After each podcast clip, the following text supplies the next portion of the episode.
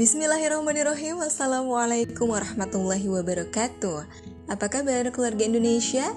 Selamat datang di keluarga Bahri. Seperti yang sudah pernah saya janjikan Di episode kali ini saya ingin mereview suatu buku Yang ditulis oleh Kiai Haji Hafiz Abdurrahman Yang berjudul Diskursus Islam Politik Spiritual. Ini bukunya recommended banget Pokoknya untuk keluarga Indonesia yang pengen belajar Islam secara komprehensif dari mulai akar sampai daunnya sampai buahnya dari sini dari buku ini cocok banget ya untuk kita sama-sama menambah hasanah keilmuan kita terkait dengan Islam sebagai agama kita dan juga sebagai the way of life. Nah mungkin di antara kita keluarga Indonesia ada yang kesulitan untuk mengalokasikan waktu di setiap harinya atau mungkin di setiap minggunya untuk membaca buku tapi penasaran pengen tahu isi dari buku ini tuh kayak gimana sih? Nah gak usah khawatir karena hari ini saya akan coba untuk review sambil kita coba untuk baca juga saya juga pengen baca lagi buku ini untuk merecall kembali ingatan-ingatan saya dan pemahaman-pemahaman saya terkait dengan Islam, politik, dan spiritual. Nah, jadi untuk keluarga Indonesia bisa sambil menyimak dan sambil mengerjakan aktivitas-aktivitas lainnya. Boleh sambil dinyalain Spotify-nya, kita bisa sama-sama untuk menyimak kembali buku Diskursus Islam, Politik, dan Spiritual dari Kiai Haji Hafiz Abdurrahman. Kita mulai dari bab 1 yang di sini judulnya adalah doktrin Islam. Mulai dari definisi Islam. Islam adalah agama yang diturunkan oleh Allah Subhanahu wa taala kepada Nabi Muhammad sallallahu alaihi wasallam untuk mengatur hubungan manusia dengan Allah, dengan dirinya, dan dengan sesamanya. Definisi ini diambil dari beberapa nas, baik Al-Quran maupun hadis. Definisi itu sendiri merupakan deskripsi realitas yang bersifat jami atau komprehensif dan mani atau protektif. Artinya, definisi itu harus menyeluruh meliputi seluruh aspek yang dideskripsikan dan memproteksi sifat-sifat di luar substansi yang dideskripsikan. Inilah gambaran mengenai definisi yang benar. Nah, keluarga Indonesia batasan Islam sebagai agama yang diturunkan oleh Allah Subhanahu wa taala telah memproteksi agama yang tidak diturunkan oleh Allah Subhanahu wa taala. Ini meliputi agama apa pun yang tidak diturunkan oleh Allah, baik Hindu, Buddha, Konghucu, Sintoisme ataupun yang lainnya.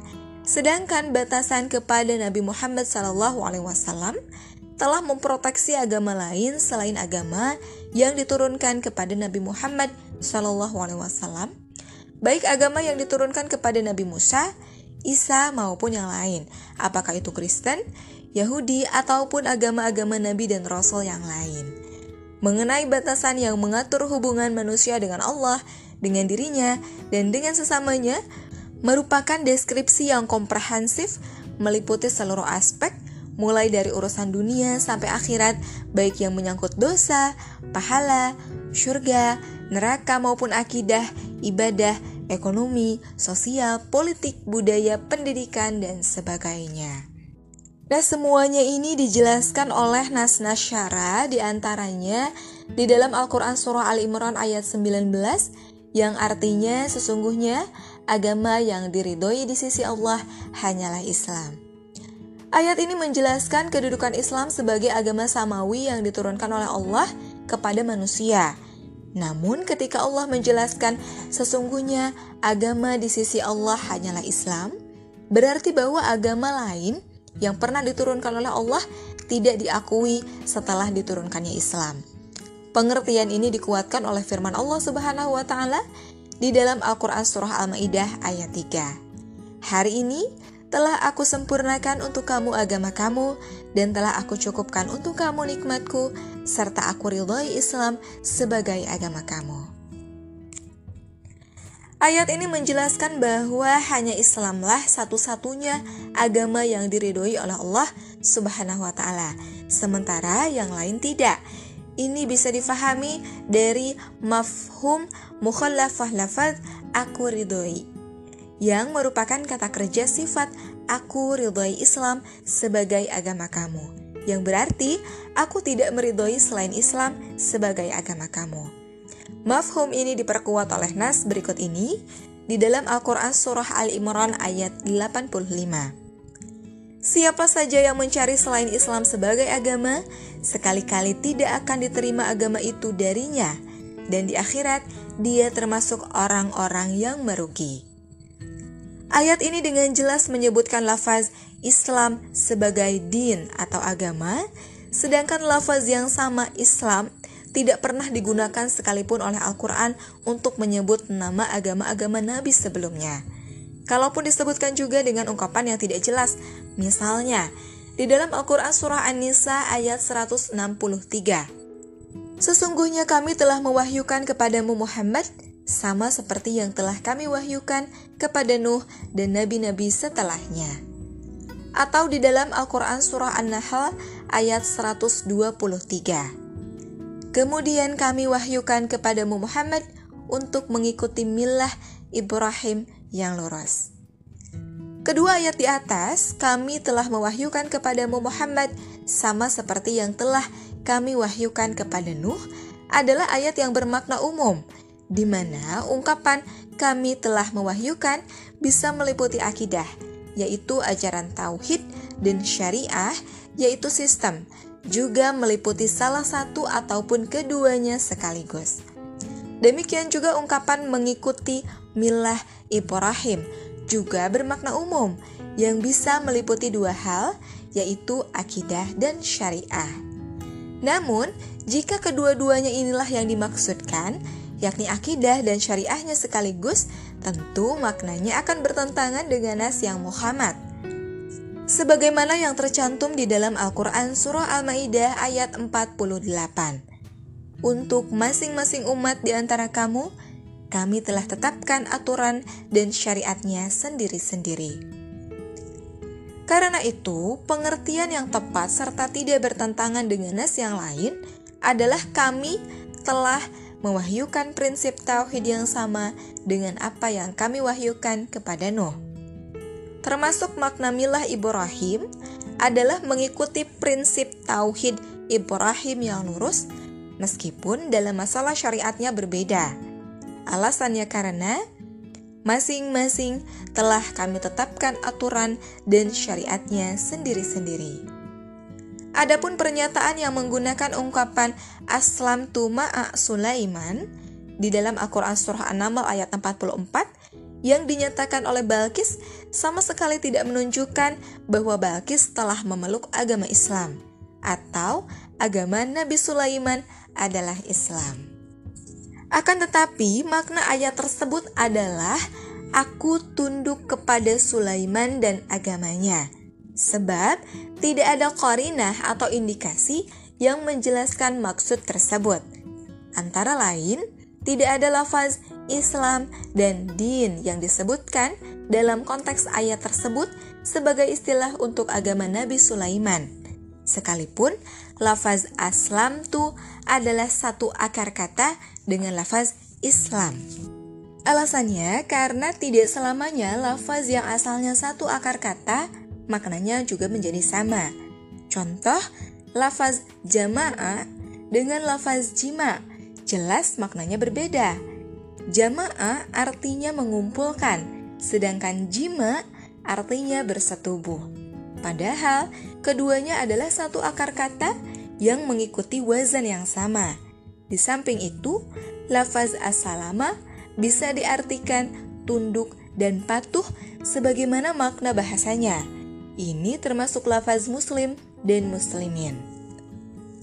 Alasan lain adalah bahwa pembahasan apakah agama Nabi terdahulu Islam atau tidak sebenarnya merupakan pembahasan akidah yang dijelaskan oleh Al-Quran sebagai kisah atau kosos yang menceritakan sesuatu yang realitasnya tidak ada pada saat ini.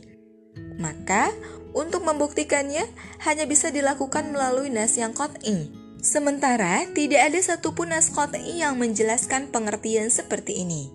kecuali dengan teks yang umum aslam tu, muslimin, dan muslim, dan lain sebagainya. Di samping juga karena tidak disertai korinah atau indikasi yang bisa menjelaskan pengertian syar'inya, sehingga nas-nas tersebut tidak bisa diartikan dengan maksud memeluk agama Islam. Antara Islam dan kekufuran. Setelah Islam diturunkan, maka agama yang lain dinyatakan tidak sah, ditolak dan tidak diridhoi tentu merupakan kekufuran bagi siapa pun umat Muhammad yang memeluknya. Ini jelas nampak dari sikap marahnya Rasulullah Shallallahu Alaihi Wasallam ketika menemukan Umar bin Khattab membawa sobekan Taurat. Waktu itu beliau menyatakan di dalam hadis riwayat Ahmad dan Al-Bazzar dari Jabir, "Apa yang kamu bawa ini? Bukankah aku telah membawa Alkitab yang jelas dan jernih?" Kalau seandainya saudaraku Musa alaihi salam hidup pada zamanku, tentu beliau tidak akan susah-susah lagi kecuali mengikutiku. Hal yang sama juga ditegaskan oleh nas Al-Quran dan hadis Nabi Shallallahu Alaihi Wasallam. Firman Allah Subhanahu Wa Taala dalam Al-Quran surah Al-Maidah ayat 48. Dan kami turunkan kitab ini kepadamu Muhammad dengan membawa kebenaran untuk membenarkan kitab yang diturunkan kepadanya dan mengalahkannya. Lafaz muhaiminan alaih dalam ayat tersebut mempunyai makna musyaltiran alaih atau mengalahkan yang berarti bahwa Al-Quran diturunkan untuk menghapus ajaran sebelumnya. Maka, ketika ada di antara ajaran sebelumnya yang diterima tentu karena dinyatakan oleh sumber Islam, bukan sebagai ajaran Nabi dan umat sebelumnya. Inilah yang dijadikan alasan ulama mengenai kedudukan Islam sebagai penghapus atau an-nasih agama-agama Nabi sebelumnya. Sedangkan mengenai kekafiran orang-orang Yahudi dan Nasrani, Al-Quran dengan jelas menyatakan di dalam Al-Quran Surah Al-Ma'idah ayat 72, Sungguh telah menjadi kafir orang-orang yang menyatakan bahwa Allah adalah Al-Masih Isa putra Maryam. Atau di dalam Al-Quran Surah Al-Ma'idah ayat 73. Sungguh telah menjadi kafir orang-orang yang menyatakan bahwa Allah adalah tiga dalam satu. Juga di dalam Al-Quran Surah At-Taubah ayat 30. Dan orang-orang Yahudi mengatakan bahwa Uzair adalah putra Allah. Orang Nasrani mengatakan bahwa Al-Masih adalah putra Allah. Demikianlah pernyataan mereka dengan mulutnya, menyerupai orang-orang kafir sebelumnya. Allah mengutuk mereka, bagaimana mereka bisa berpaling dari kebenaran.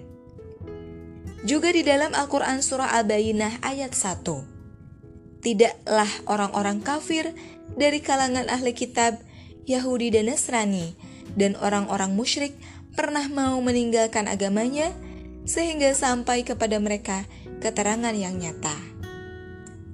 Di samping itu, Rasulullah Shallallahu Alaihi Wasallam bersabda dalam hadis riwayat Hakim dari Ibnu Al Abbas, kamu pasti akan mengikuti tuntunan orang-orang sebelum kamu, sejengkal demi sejengkal, sehasta demi sehasta, sampai salah seorang dari mereka masuk lubang biawak pun, kamu pasti akan mengikutinya. Ibnu Al-Abbas sahabat yang juga saudara sepupu Nabi Shallallahu Alaihi Wasallam yang dikenal sebagai ahli tafsir dan fikih pernah mengatakan, Bagaimana mungkin kamu bisa bertanya kepada ahli kitab mengenai suatu perkara? Sedangkan kitab kamu yang diturunkan kepada Rasulullah Shallallahu Alaihi Wasallam ini lebih baru. Bacalah itu saja dan tidak perlu ditambah-tambah. Hadis di atas menyertakan celaan atau zam yang tegas yang berarti haram hukumnya mengambil dan mengikuti gaya hidup orang kafir, sekaligus menunjukkan bahwa Islam mempunyai gaya hidup yang unik. Sedangkan pernyataan Ibnu Al-Abbas tersebut menjelaskan kelengkapan kandungan Al-Quran, sehingga sumber lain selain Islam tidak diperlukan lagi.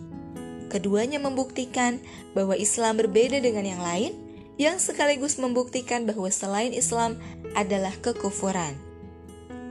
Dengan demikian, selain Islam adalah kufur, baik dari segi agama maupun mabda. Ini merupakan kenyataan yang tidak dapat dinafikan lagi.